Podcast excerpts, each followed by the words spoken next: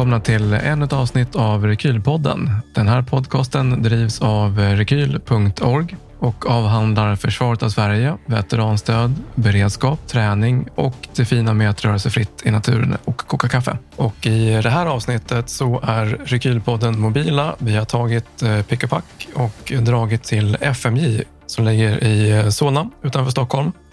Den här gången så har vi ingen mindre än veteranen, fallskärmsjägaren och fadern till svensk ultralöpning. Varmt välkommen säger vi till Rune Larsson. Tackar, tackar. Jag tänker så här, det är, vi börjar det här med när du klev in i fallskärmsjägeriet en gång i tiden. Hur, hur sökte du dit och hur kom du in? Ja, det, var ju, det var ju något jag ville bli. För jag ville ut i skogen. Jag ville vara bland de... Ja, där det var högt tempo, där jag slapp de här som man behövde vänta på. Det låter lite kanske okamratligt, men eh, jag, jag, jag ville lära mig hantera mig själv i skogen och kamrater i skogen. Så att eh, inför mönstringen så tränar jag faktiskt på vissa av de här styrkegrejerna. Va? Till exempel eh, handgreppet där. Och eh, jag tror till, med, till och med att jag gjorde några sådana här marklyft, för det var också en sån här styrkegrej. Eh, fast jag var ju väldigt, jag var ungefär 1,81 och vägde ungefär 66-67 kilo. Så jag var ju inte direkt gjord för tunga ryggsäckar. Men eh, jag fick ju i alla fall, eh, jag satsade på det. Och framförallt på det här cykeltestet efteråt. Det var ju, det, förr var det sådana malajer där nere på Säve som administrerade och så var det tämligen omotiverade kompisar som satt runt omkring. Och jag upp på den där cykeln och de här malajerna sa att ah, jag tror inte du behöver cykla mer, jag tror du har fått upp din puls. Nej, jag ska ha mer, sa jag.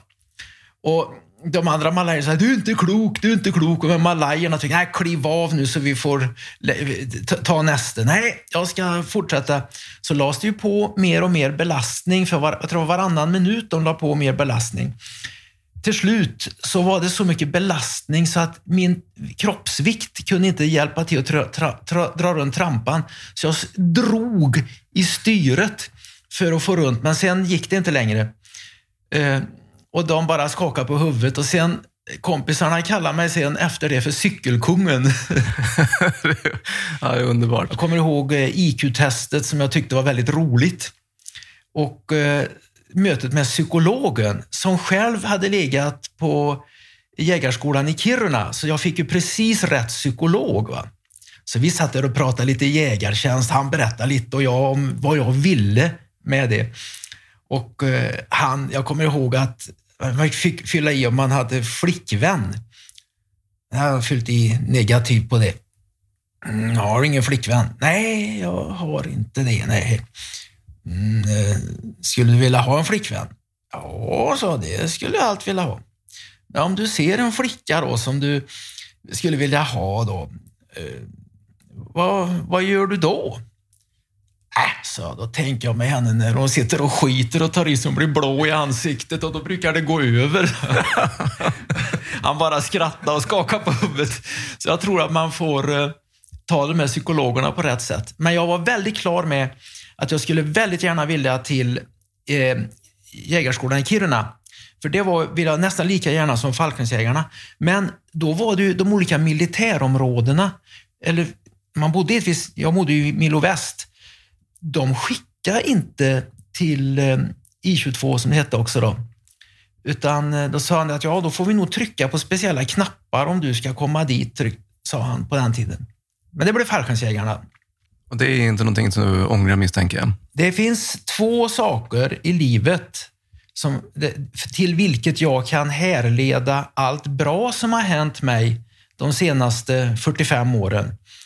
Och dels är det löpningen naturligtvis, som är ansvarig för väldigt mycket bra som har hänt för mig i livet. Och så är det just att jag fick göra lumpen på det stället bland de människorna. Väldigt, väldigt bra urval av människor som jag fick vara med. De som eh, gjorde mönstringen förr i tiden, det var ju ett speciellt släkte. Jag skulle säga att de, ofta så hade de rätt. De, träffade rätt i vilken typ av person som de kom i kontakt med. Och ofta satte de på rätt ställe. Inte alltid, men ganska ofta. Ja. Eh, jag är väldigt nöjd med hur det var. Mönstringen för den byggde ju på väldigt mycket ihopsamlad erfarenhet alltså. Eh, de kunde se vem som passar var. Jag vet jag hörde det att, att eh, stor, stark, bra syn, då blir du GRG-skytt. Och så eh, stor, stark och korkad. Alltså, då var det något annat. Jag kommer inte ihåg om det var, jag vill inte säga vad det var de sa att det var, men, men det fanns alltså någonting för alla. Vad har du tagit med dig från eh, Fallskärmsjägarskolan? Ja, det är väl eh, att, att dra på, att, att göra sitt bästa och kunskap om hur man hanterar sig i skogen. Jag fortsatte ju sen alltså. Jag gjorde ju nästan privata, men jag förövar ju för ett KFÖ en gång. Va? Jag gick in till rektorn på den skolan jag jobbade. Att ja, nu, nu får jag, ska vara ledig här nu i tre veckor för jag ska in på en, ett repmöte. Jo, men du, du, jag kan nog hjälpa dig att få, att få anstånd med det där. Du är inte klok. Jag har ju varit ute och tränat för det här. För att om du tar en grej som man får ta med sig då, det är det att, att höga krav och de ska du leva upp till. Men lever du upp till dem så får du också en ganska bra resa. Eh, så att jag vet att jag skulle göra ett KFÖ vintern 1985. Och jag, jag, vet ju vad jag hade förväntat mig för att våran slutövning som vi gjorde på GU, det var ju vad som kallas för KFÖ 0. Den var som ett KFÖ, eh, repmöten. Eh, och eh, det är ju snö, det är pulka, det är ju gräva ner sig och sånt. Och det var väldigt kall vinter 1985 och mycket snö till och med nere i Västsverige. Så att eh, jag tänkte att jag förövar så eh, blir jag i alla fall inte en belastning för gruppen. Jag tog tåget, jag tog farsans gamla Limex träskidor med kabelbindningar satte jag på dem. Det var rätt breda eh, skidor på den tiden när han var ung. Han var född 1921. Och så tog, packade jag ryggsäcken och så tog jag ett, tåget först ner till Göteborg, från Trollhättan då, där jag bor, och ner till, ner till eh, Hindås. Där klev jag av och så har jag topografiska kartor, ryggsäck och så skidade jag ospårat hela vägen hem till Trollhättan. Jag fick en övernattning i snön och eh, jag skidade tills det blev mörkt. För att på KFÖ vet jag att det kan du få skida i mörker och du kan ju inte direkt ha pannlampa. Så jag skidade genom Risveden där, skogsområdet. Jag kom till en, en sjö, inne i en viken på en sjö med liksom branta sluttningar runt omkring och höga granar. Där trampade jag upp en lägerplats och la mig, liggunderlag och jag låg under bar himmel i min sovsäck. Då. 13 grader kallt var det där. KFÖ jag gjorde sen, det var ju betydligt kallare för det var ju eh, väldigt nordlig latitud. Det var ju en sju mil norr om polcirkeln på den tiden vi hamnade. Men jag hade förövat och då tror folk att jag inte är klok. men, det, men det är också någon form av, alltså, du vet vilka du kommer samarbeta med och som de kommer öva med under KFÖn. Så vill man kanske liksom ligga lite på topp också, för det, det tar ett tag mellan varven man kör KFÖ. Bara en sån sak som att, att bli bekant med de här rutinerna. Eh, det blir ju lite svårare när det är mycket snö. Det blir lite svårare när det är kallt. Eh, rutinerna, hur man snabbt eh, hanterar Eh, jägarköket, hur man snabbt eh, fixar lägerplatsen och sånt. Och framför allt då detta med att bära ryggsäck, vilket jag inte hade gjort sedan sommaren innan. Eh, jag vet att den ryggsäcken jag hade när jag åkte skidor ifrån Hindås till Trollhättan, den var ju på kanske en, ja, under 20 kilo i alla fall. Men på KFÖ så kanske jag hade fått betydligt mer. Allt får ju inte plats i en pulka. Det gäller att ha den styrkan också. Ja, men precis. Men, men din eh, koppling till eh, vad ska man säga, den militära verksamheten, den, eh, du har en, en, annan sport som du varit inne på eh, redan innan du blev värnpliktig. Berätta om den. Jag började som orienterare och så lite skidåkare. Då. Men så min far, han höll på med fälttävlan hette det på den tiden. Nu heter det orienteringsskytte. Och för att få vara med på det så var man tvungen att göra ett visst antal utbildningstimmar inom FBU, det som föregångaren till försvarsutbildarna. Farsan var ju med på det han var ju ingen militär överhuvudtaget. Han var ju bara menig genom hela sin värnplikt och beredskapen under andra världskriget och sånt.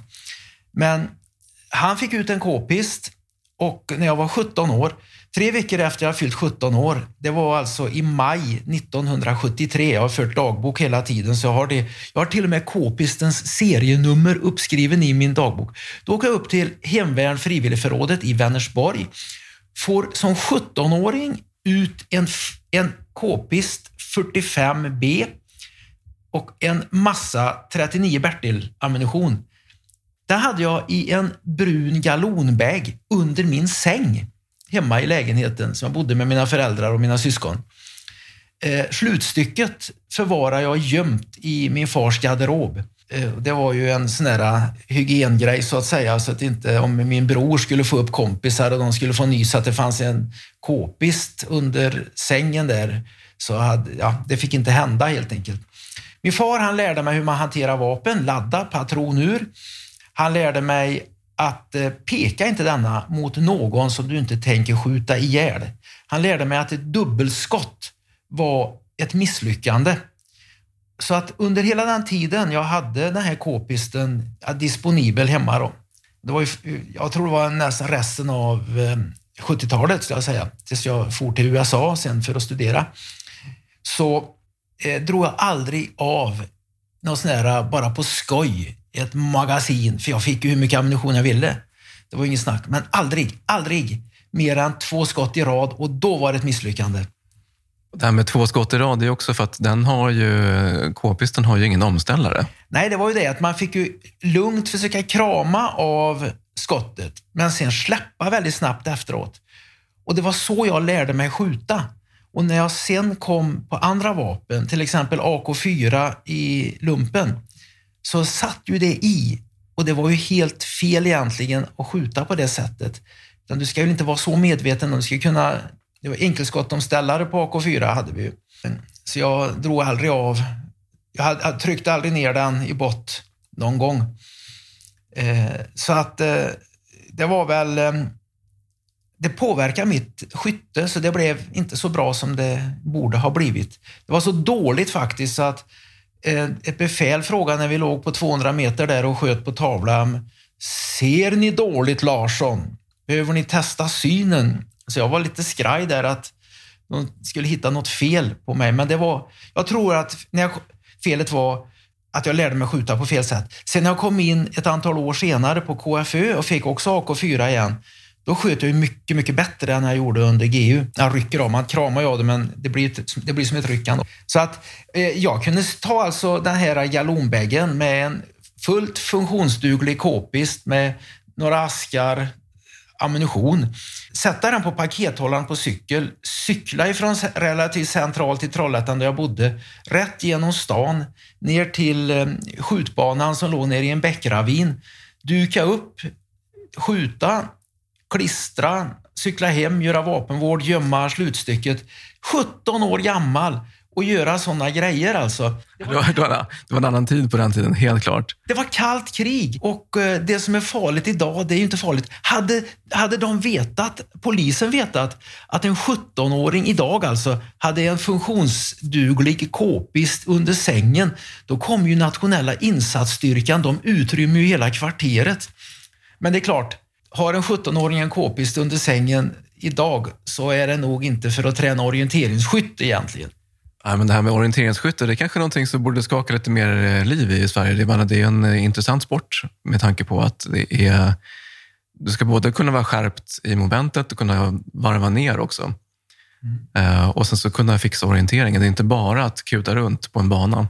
Jag tror att eh, Försvarsmakten borde satsa på detta, men allting som har med vapen att göra idag för civilister, för då tänker jag då som civilister, det skulle göra ett lyft för, för, ja, för soldater.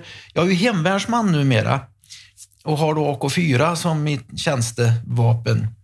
Det är väl ingen militär hemlighet att avslöja det, skulle jag kunna tänka mig. Tänk om man fick eh, träna på detta med att springa till exempel en löpande fältskjutning har jag ofta tänkt på.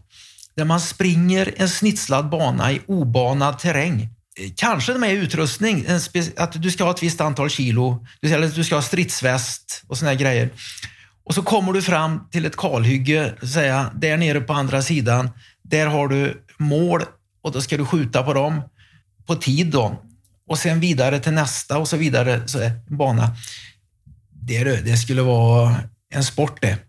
Ja, men det är också att den går att applicera på en, en verklig situation, framförallt inom hemvärnet, att man tar sig från en plats till en annan och sen så är det plötsligt skytte som gäller. Och då gäller det att kunna springa med packningen på och kunna varva ner och kunna sätta kulorna där de ska, så att säga. Om jag ska ut i ett skarpt läge, då vill jag ha en vid min sida, eller grabbarna runt omkring. Då ska de vara bra på just det. De ska inte vara som jag var när jag blev rostig sen, att jag gick och snubblade i skogen för att jag var inte van vid att ha nu på senare år då, som hemvärnsman. Jag är ju 66 år idag, jag hänger fortfarande med, fast jag har slutat vara på patrull nu. För när jag upptäckte att jag sprang och snubblade i skogen, när jag hade något på vapen och utrustning med mig och kompisarna höll på att springa ifrån mig, för jag var en mycket kompetent patrull, där jag nästan kände mig, nej, nu är jag inte bra nog. Så då gick jag över till trossen istället. Ja, men det är väl också en, eh, en, en, en bra förankring att nu, nu är min plats i patrullen över. Nu gör jag mest nytta här istället. Det är en mycket stor ära att bli omplacerad på trossen om man får göra det frivilligt. Därför att de kan säga att jaha, jaha så du kan inte vara en patrull längre, tack och adjö. Men istället när, man, när de säger att ja men du, det är ju synd, men du, jag tror jag vi kan fixa en plats åt dig här som bilförare på trossen och såna här saker. Va? Eh, du kan diska isolerkärl och göra den grejer. Då känner man yes! Men tänk dig alltså att man övar den färdigheten att springa med vapen, springa med stridsväst och eh, ändå komma fram, fatta beslut, skjuta och eh, sticka därifrån till nästa sån där. Vilken perfekt sport alltså. Det här kanske är någonting vi får plocka upp eh, på Rekyl, kanske i samband med eh, hemvärnet, vad vet jag. Vi får, se, vi får fånga upp den helt enkelt. Jag har ju en dröm om att de utvecklar eh, ett slags lasergrej. Va? Som att istället för en kula så går det en laserpuls som eh, träffar en sensor på något sätt och som kan då mark indikera om du har träffat. På det sättet så behöver man inte spärra av området. På det sättet så kan jag nu, eh, om jag hade varit 17 år igen nu, ha ett sånt vapen under sängen hemma och springa ut och träna själv. Om det nu var en tävlingsform. Det blir inget bly kvar i naturen. Det är mycket billigare än att... Eh, ammunition är ju dyrt nu för att Försvarsmakten sponsrar väl inte som de gjorde förr på samma det sättet. Och man kan lätt arrangera sådana tävlingar. Så är det någon som är, har läst teknisk fysik på någon av Sveriges högskolor som hör detta som tänkte att Aha, det ska jag utveckla för det kommer att bli en bra grej. Det kommer de att köra skidskytte och springskytte på i fortsättningen tror jag. Men sen eh, efter värnplikten där då, vad hittade du på då? Först gick jag tvåårig bygg och anläggnings efter eh, grundskolan, utbildad till snickare och tänkte på en framtid i byggbranschen så att jag gick ettan och tvåan. Och sen gjorde jag lumpen då, militärtjänst, mellan tvåan och trean. Gjorde trean. När jag skulle göra fyra på fyraårig teknisk, då hade de inte husbyggnadsteknisk utan då hade jag fått ett dikesgrävare istället på anläggningslinjen. Det ville jag inte. Så då sa jag det att jag gör en paus tills ni får tillbaka den och då stack jag ut i FN-tjänst och eh, hamnade nere i Sinai på bataljon 72M också en formidabel vinstlott i livet. Där eh, ja, jag var ställföreträdande skyttegruppchef, där vi låg mot den egyptiska sidan i norra Sinai eh, och eh, fick väldigt bra kontakt med beduinerna. Jag tränade löpning väldigt mycket där. Det var att ge sig ut i utlandstjänst. Det kan se lätt ut när du ger dig ut och det kan bli lätt som det blev för mig. Men du kanske ger dig ut som de som låg inne ett år innan mig på bataljon 68M, där de plötsligt fick ge sig upp till södra Libanon bland icke minpikade vägar, inget ordnat, de fick ingen supply, de blev beskjutna av eh, några gerillaorganisationer och sånt. En blev minsprängd till döds. Det kan bli så. Det vet man aldrig när man ger sig ut. Men jag fick det vad vi kallar för en baxisbataljon. För det var väldigt lugnt. Jag löptränade väldigt mycket. Jag blev väldigt känd bland beduinerna. Så beduinerna visste vem Larsson var. Mr Larsson, Mr Larsson. Så att en två mils löptur kunde ta fyra timmar. För plötsligt kommer det ut en beduin, får syn på mig, då ska han dra in mig i tältet där och sitter vi där på en matta i hans tält och han samlar ihop pinnar och torkad kamelskit och gör upp en liten eld och så kokar de te där. Och jag kunde 20 ord på arabiska på den tiden och de kunde 20 ord på engelska. Där kunde vi sitta och prata i någon timme. Helt underbart. Ja, men det är, det är fantastiskt att vara med just i utlandstjänsten när man, som du säger, man vet aldrig vad som kommer. Men det man tar med sig hem, det är någonting eh, många gånger fantastiskt. Jag hade ju en otrolig tur där också. För jag omgavs ju av eh, grabbar av högsta kvalitet alltså. Vilka toppenkillar jag hade att göra med. Jag visste det, att skulle det bli, vi hamnar i några riktigt jäkliga situationer, så skulle, vi, så skulle jag kunna lita på de här killarna. Så det var väldigt viktigt. Och eh, jag skrev dagbok där nere. Eh, har gjort hela livet sedan 1973. Och jag skrev ju där och eh, i, ja, för ett och ett halvt år sedan Eh, så tänkte jag att jag ska ta och digitalisera den. Jag skriver ner den, för jag har ju två söner. Så att, och men bara en dagbok, så de får en var. Och så binder jag in den som kompendium och så skriver jag ner det. Men så tänkte jag, men 17, det här måste ju kommenteras. Jag måste ju berätta om vem var till exempel Christian Syrén från Ystad? Vad var det för en människa? Vem, vem var Per Rinaldo från Finspång? Eh, så att då berättar jag lite om killarna. Jag berättar om hur det var. Jag berättar om eh, befäl och beduiner och såna här saker. Allt skrivet i en väldigt positiv anda alla de här kommentarerna, det var mer kommentarer nästan än dagbokspassager. Och sen så tog jag en väldig massa bilder med, med diakamera och väldigt fin eh, eh Kodachrome 25, skarpaste filmen på den tiden.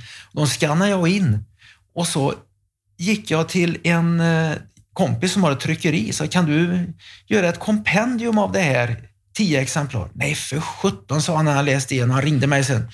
Gör en bok. Hårda permar, sa han.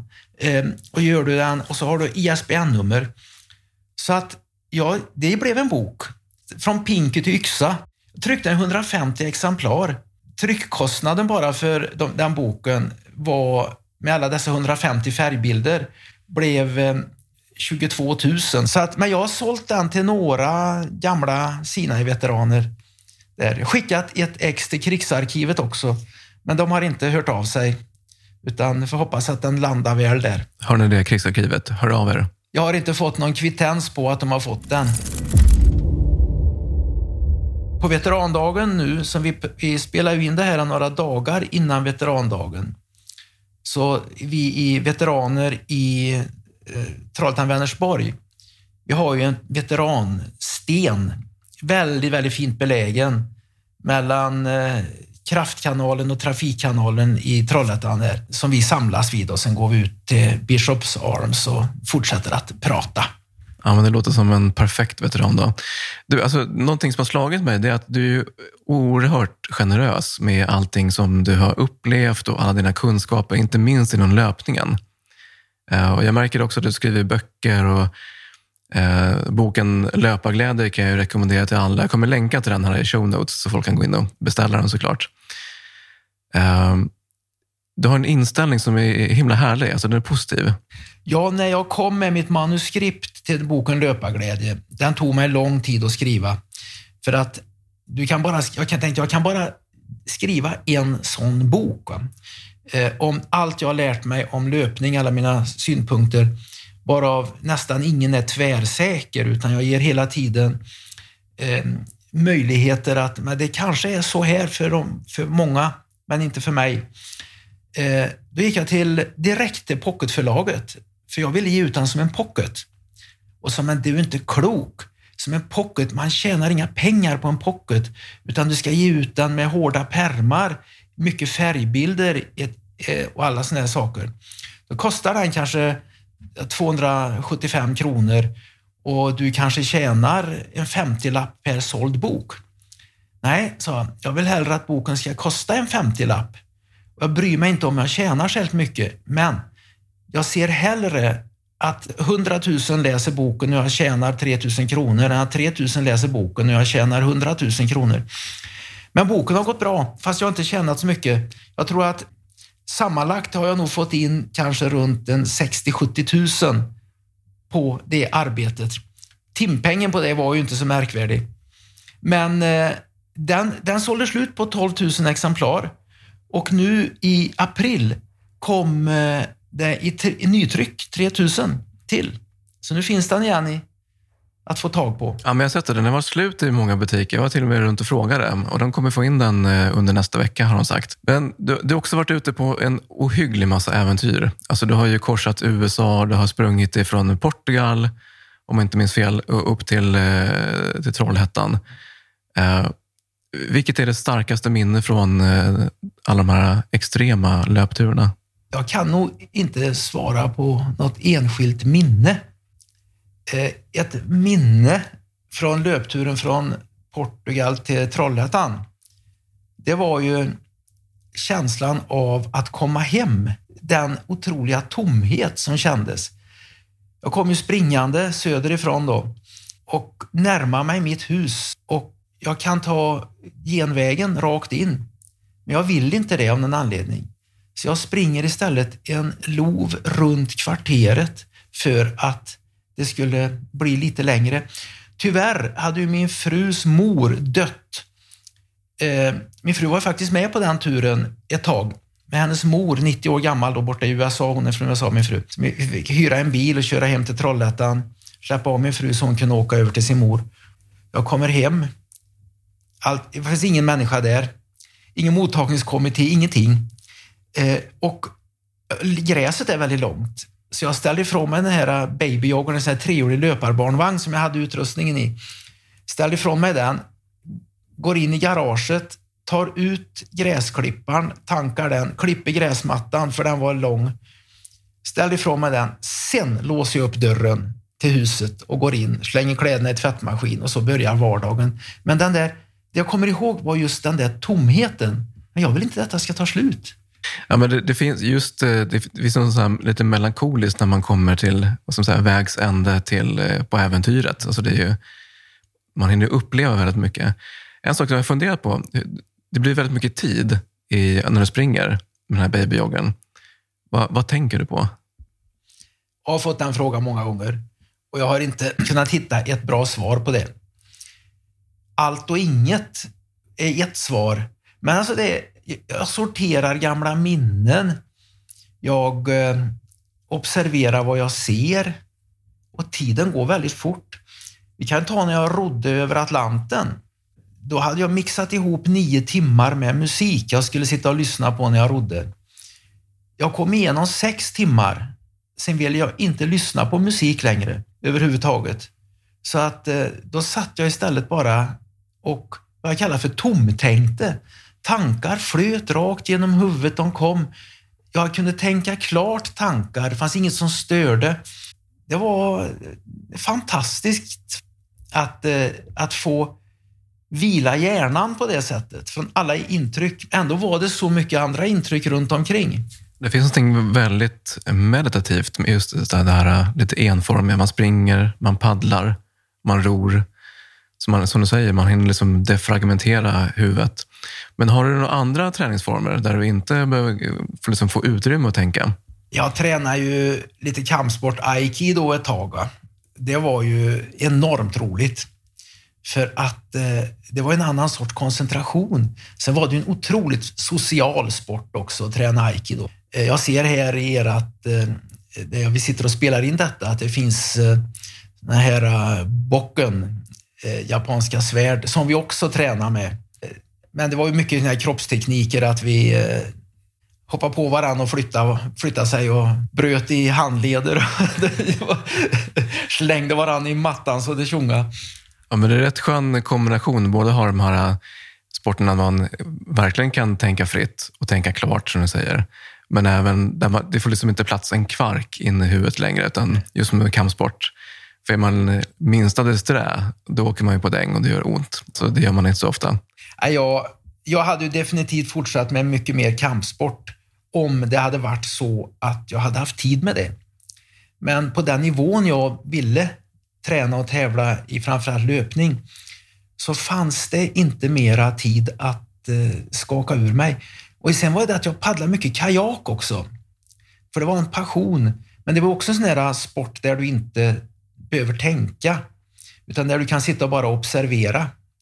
Just kampsport tyckte jag var fruktansvärt roligt. Jag tänkte idag, eh, kickboxning, va? det skulle jag vilja... Bara den koncentrationen i träningen. Men jag har en boxningssäck i garaget hemma och träningshandskar, rätt tunna träningshandskar. Och jag har säcken, den är, det är en canvassäck som jag har fyllt med trasor för att den inte ska vara för hård och inte för tung. Så att, att när jag slår på den så kan jag slå ut slagen med full kraft och den kommer i pendling, inte jättependling, men den kommer i pendling. Så jag följer med med kroppen, jag försöker tajma slagen så att de kommer precis rätt och vid rätt tid. Jag bestämmer, nu ska jag stoppa säckens pendling, nu ska jag öka pendlingen, nu ska den pendla åt det hållet, det är på en vänsterkrok här. Va? Sånt. Och flytta mig. Och eh, jag har provat med pulsmätare. Och jag hade samma puls när jag körde på boxningshäcken som jag hade när jag sprang ett vanligt eh, distanspass i min normala träning. Och dessutom så blev det också en sån här koncentrationsgrej att eh, stå och slå på den här säcken.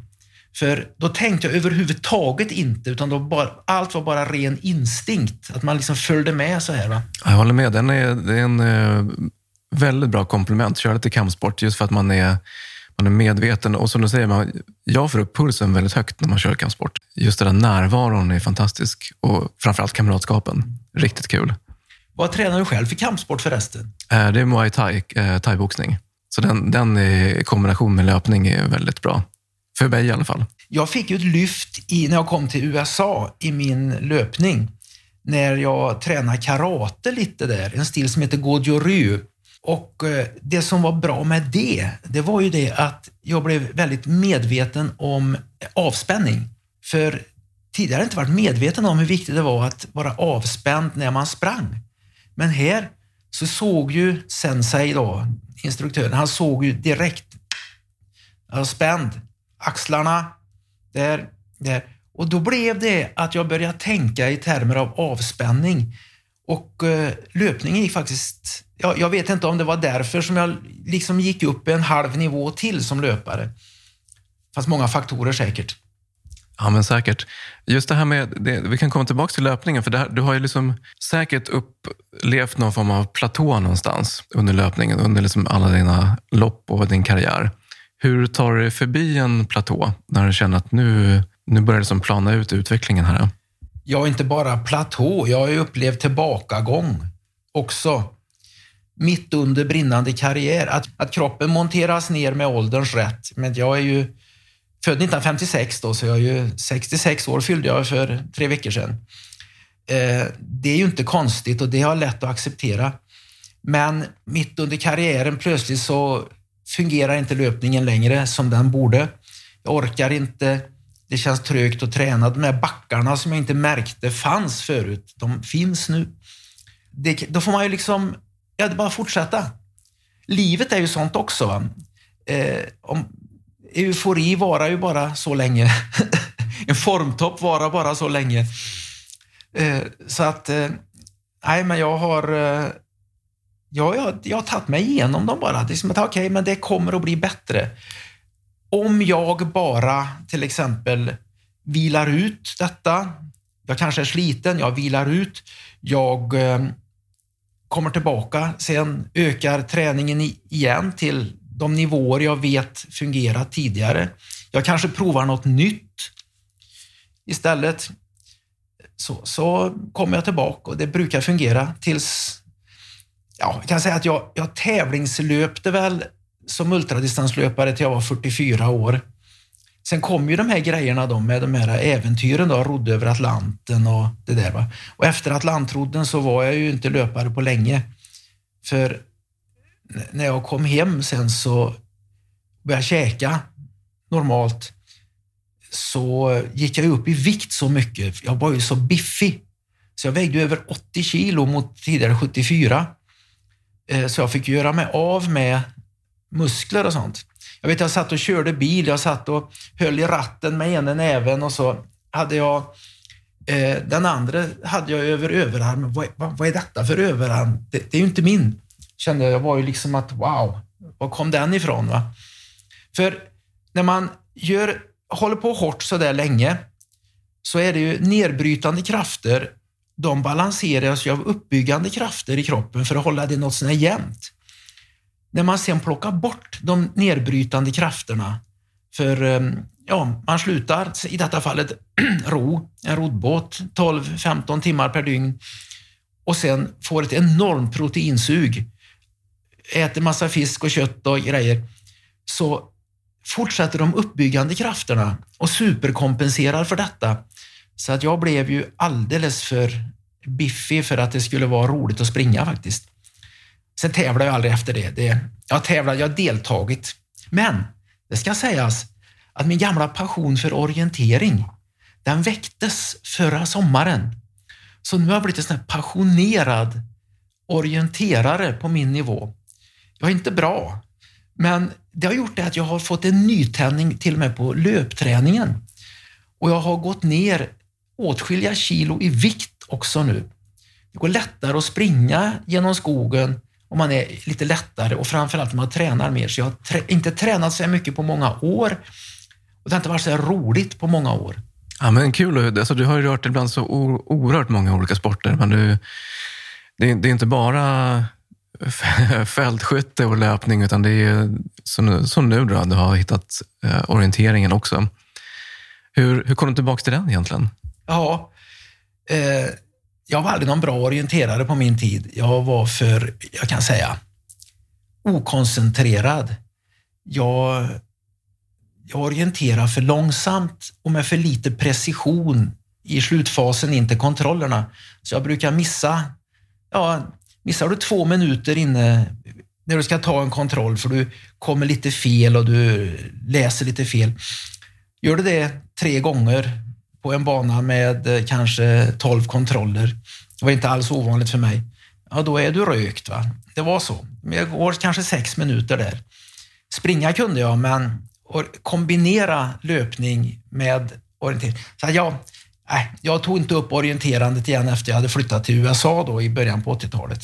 Hur, hur har du slipat upp dina orienteringsfärdigheter? Ja, nu är det lägre tempo nu när jag är gammal. Eh, men jag har faktiskt varit ute mycket. Jag har skaffat en bra pannlampa.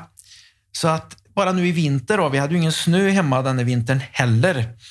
Så nio gånger till exempel var jag ute och sprang en sån här veckans bana med pannlampa. Och då har de reflexer på orienteringsskärmarna. Där har godheten att ha. Så att eh, ge sig ut där i skogen och springa nattorientering är den roligaste formen tycker jag, när man har skogen helt för sig själv. I mörkret tillhör skogen järva män, brukar jag säga. Eller som eh, Nils van der Poel eh, avslutade ett mejl till mig här om veckan att skogen är, läsk, skogen är mörk och läskig. Det är för att jägarna finns där. ja, det, det ligger någonting i det, helt klart. Men jag tränar mycket och gick tillbaka, back to basics. Va? Eh, det har kommit nya vi orienterar på andra kartskalor idag. Ofta vi gamla e- ett på 7500. Tidigare var det ett på 20 000 i början av min karriär och eh, ett på 15 000. Men nu är det mycket lättare för mig att se. För jag, jag har blivit bättre och bättre. Jag har blivit mindre och mindre dålig. Så att jag brukar hamna mitt ner i prislistan i herrar 65 Ja, du är också aktiv i eh, Parendurance Race, en eh, tävling som Fallskärmsjägarklubben arrangerar tillsammans med Rekyl. Och där har vi ju nattorienteringen som en, eh, en... Det är ett moment som man märker att många bommar på. Ja, allt blir svårare på natten i mörkret och framför allt så om man inte är koncentrerad här och nu när man orienterar på natten så är det så himla lätt att hamna i där och då. Att man går bort sig lite. Och när man har hamnat i där och då så är det så svårt att fatta var det är man har hamnat och hur det gick fel. Så därför kräver ju nattorienteringen en enorm koncentration. Och det är väl kanske lite det som gör att jag älskar nattorientering. Man har hela skogen för sig själv. Tävling på nattorientering har jag kört också, men då är det massa lampor runt omkring eh, som man kan störas av. Men eh, det är just detta att eh, det är en färdighet som bör tränas. Va? Så att jag är nu för gammal för att orka gå och bära en ryggsäck hela Endurance. Men jag ska erkänna att jag, jag jobbar ju med det. Eh, den är vikt. Jag har tackat nej till föreläsningsuppdrag för att vara med som funktionär på Endurance Race. Nu tänker eh, eh, jag det. Och jag, det är så viktigt. Det är en sån otrolig upplevelse att se Endurance Race. Och jag tänker, var var du när jag behövde dig? När jag var i min krafts dagar? De här Albinsson och Gustafsson, de här killarna, de är över 55, 50 plus bägge två, de som har banrekordet har vunnit. Springer hela det här eh, över 70 kilometer i skog och kraftledningsgator och sånt med eh, 20 kilo ryggsäck var. De satte ju en helt ny nivå på hur man genomför det här racet. Det var ju oerhört kul. Det, det, var ingenting som vi såg komma heller, att man skulle springa igenom hela loppet. Så att, eh, det här sätter ju ribban inför årets upplaga också. Ja, i årets upplaga ska jag också vara med som funktionär. I förra året alltså, jag var 65 år gammal. Jag kände att nej, Ska jag, ska jag försöka vara med ändå? Ska jag försöka ragga upp en partner? En stark ardennerhästliknande kompis där som kan bära 25 och jag bär 15. Då har vi nog chansen. Så jag tänkte det. Det var någon som frågade mig, kan inte du, och... jag är ju väldigt bra kompis med Nils van der Poel. Eh, han är ju också från Trollhättan där och han är ju en jägarsoldat. Och eh, hans fysiska kapacitet är kanske inte man ens behöver ens nämna. Mm, tänk Nils och jag. Tänk, han tar 25 kilo och jag tar 15. Vilken grej. Vi kommer ju aldrig att placera oss högt. va? Men Nils med 20 kilo på ryggen eh, tillsammans med en relativt likvärdig partner skulle möjligtvis kunna ge Albinsson Gustafsson en eh, match där. Det vore, det vore superkul att se. Just att ha orienteringsskillsen som, eh, som du har, förmodligen eh, Nils också. Men även den, den fysiska förmågan som Nils besitter. Den är fantastisk. Ja, den, är, den har han eh, tränat sig till. Hälft, hälften träning, hälften genetik skulle jag tro. Ja, men precis. Är det så med dig också? Du har ju föräldrar, åtminstone din eh, far, som har eh, sprungit och orienterat. Har du, har, har du haft det med dig, så att säga? Eh, min far, han var ju... Han var, jag anser att han var en större löpartalang än vad jag blev. För att han tränade väldigt lite, men eh, han blev väldigt bra. Han var ju trea på ett veteran-VM i terränglöpning när han var 56 år gammal. Då han, men då hade han tränat i, eh, lite mer än vanligt. Men eh, framförallt så programmerade han min hjärna. För alla människor får sina hjärnor programmerade på något sätt. Antingen programmeras de av din familj eller din släkt eller din klan eller området där du växer upp. Och det gäller ju att inte få en felprogrammerad hjärna. Så att han programmerar min hjärna till eh, positiv kamp och äventyr. Han liksom hyllade kämpar, va? ädla kämpar. Så jag växte upp med det där en ädel kämpe, det var en som kom i mål för en orienteringstävling sönderriven av taggtråd och allt möjligt. Som fanns massor med taggtråd i skogarna förr i tiden.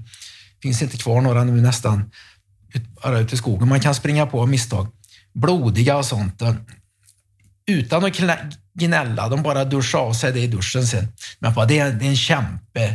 Det är en riktig, en riktig idrottsman den där. Va? Och då blev det ju så att från jag var barn så blev det en standard istället för att man får höra det. Åh, vilka idioter, ute och springa så där. Är det någonting som du har tagit med till dina barn också? I den mån ja, de har lyssnat. Jo, men mina barn, framförallt min yngste son Zacharias, han är ju, han, han är ju definitivt ett fallskärmsjägarämne. Och han ville ju göra GMU på den tiden då. Men så av någon konstig anledning så hade de någonting då att de, skulle, de tog bara in så många som skulle göra GMU. Jag tror de hade någon kvot att hälften skulle vara tjejer.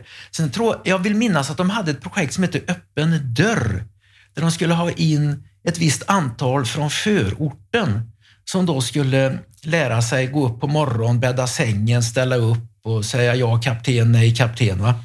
Eh, få positiva förebilder. Så att jag tror att det fanns inga platser kvar.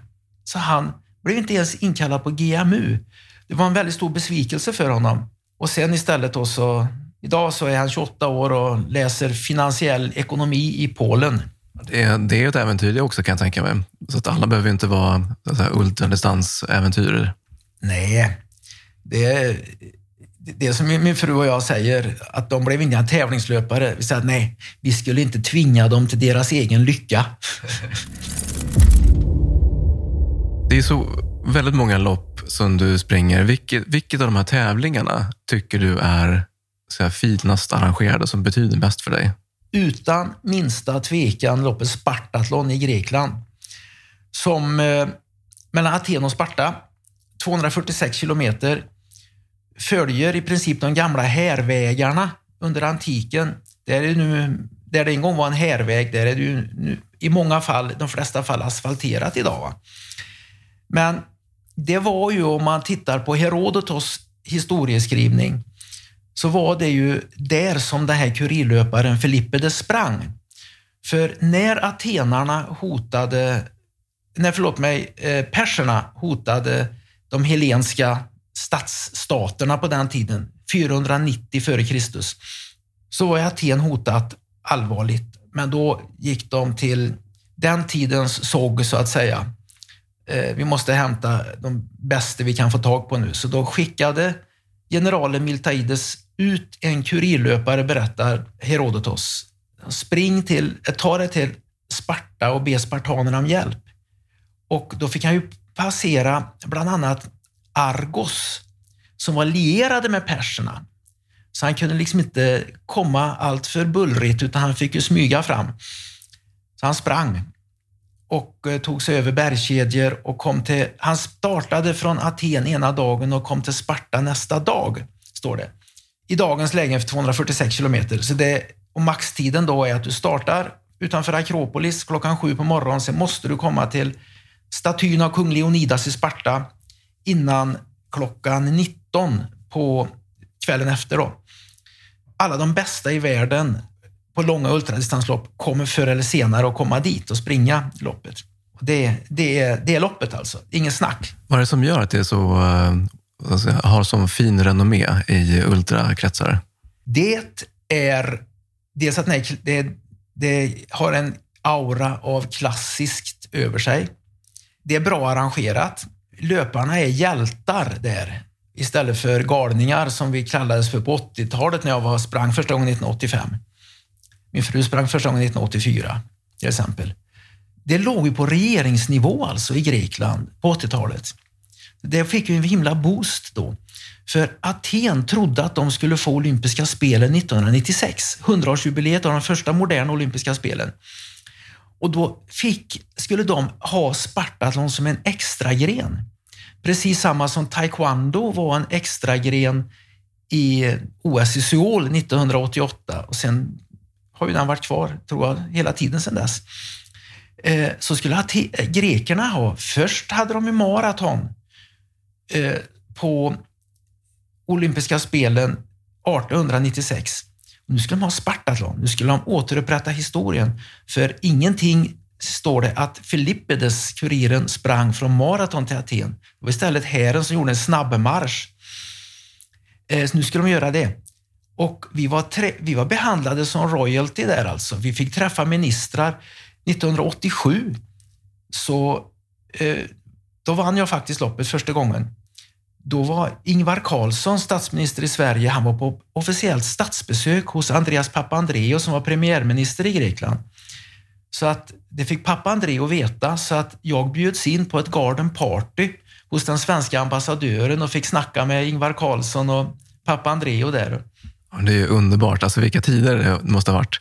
Och du har vunnit det här flera gånger. Jag har vunnit det tre gånger, men min fru, Mary Larsson, hon heter Hennudel när hon vann första gången. Hon har vunnit fyra gånger.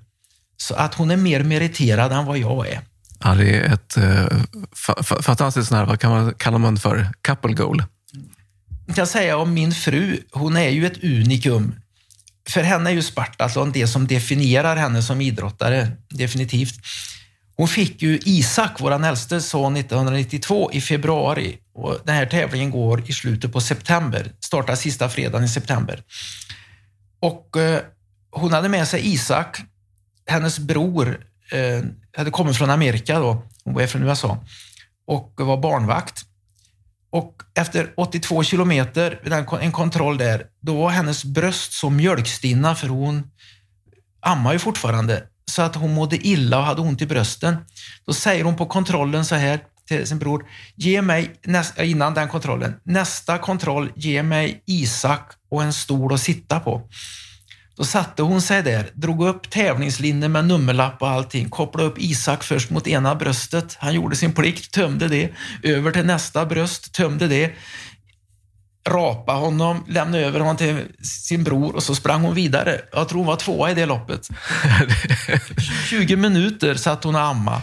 Ja, vilka bedrifter. Alltså det, är, det är makalöst. Det är, jag tänker så här, det börjar bli dags att runda av här också i dagens Rekylpodd. Var hittar man dig någonstans? Du har en egen podd också. Du har ju en Youtube-kanal och du har ju ett eh, Facebook-konto. Hur hittar man dig?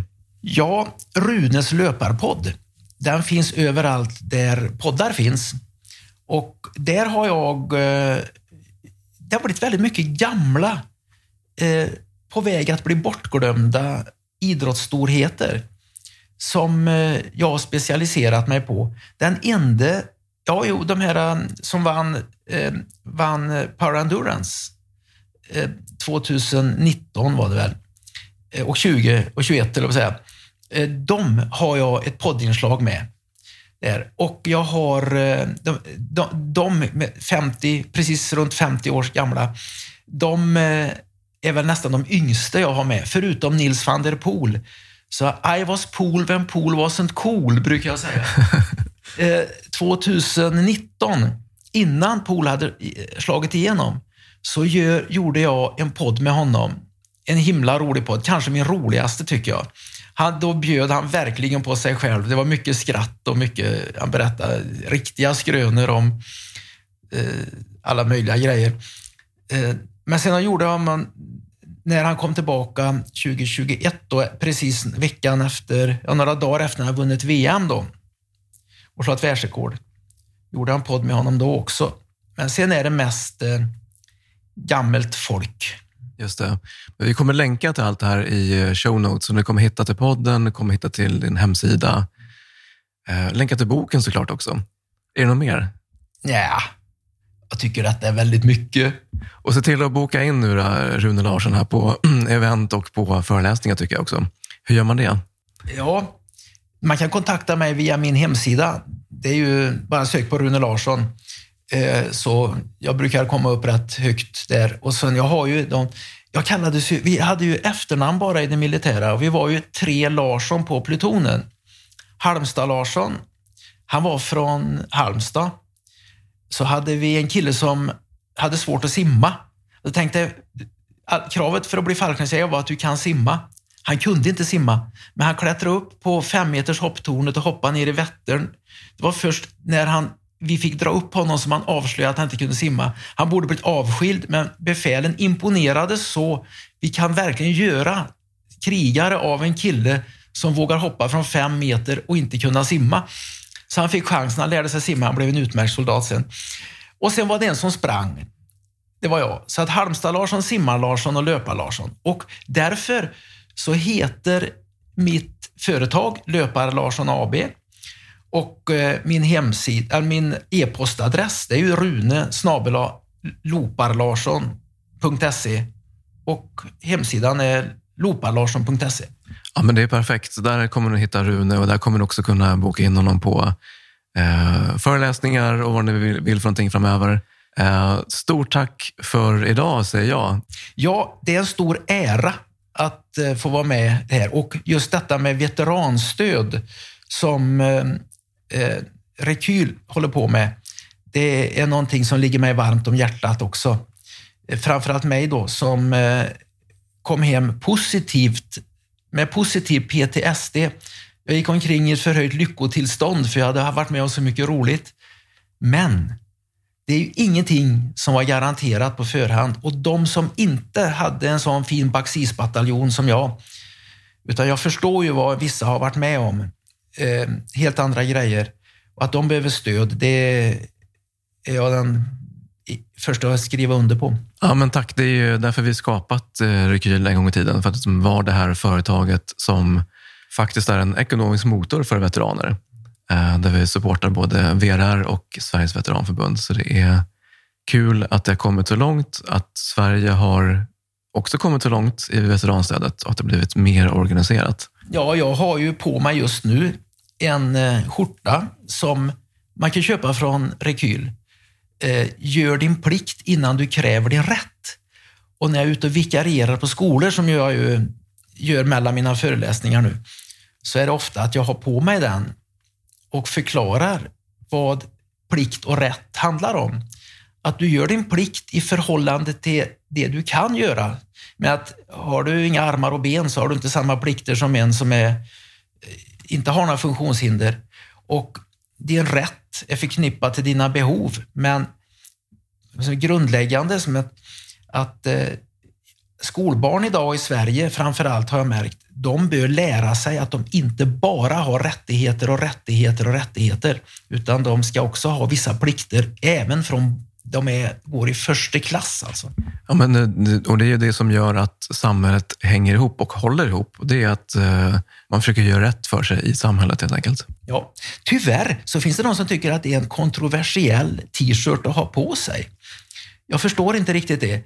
Alltså, det finns väl ingen som kräver av en med ett funktionshinder att den ska eh, ha samma plikter och göra samma grejer. I grund och botten är det ju busenkelt budskap. Ja, men ja, det är min favoritrekyltröja, den där. Gör din plikt innan du kräver din rätt. Jag har två stycken ifall eh, den ena behöver vara i tvättmaskinen när jag får ett uppdrag. Vi kan fixa en tredje. Stort tack ska du ha Rune. Det är jag som ska tacka. Tack ska ni ha. Passa på att eh, prenumerera på podden och tveka inte att ge den betyg. Det här gör det enklare för andra att hitta hit. Eh, länkarna från avsnittet hittar du i show notes och oss på Rekyl hittar du på rekyl.org. Och till sist, se till att öka din handlingsfrihet genom att ge dig ut och träna. Tja!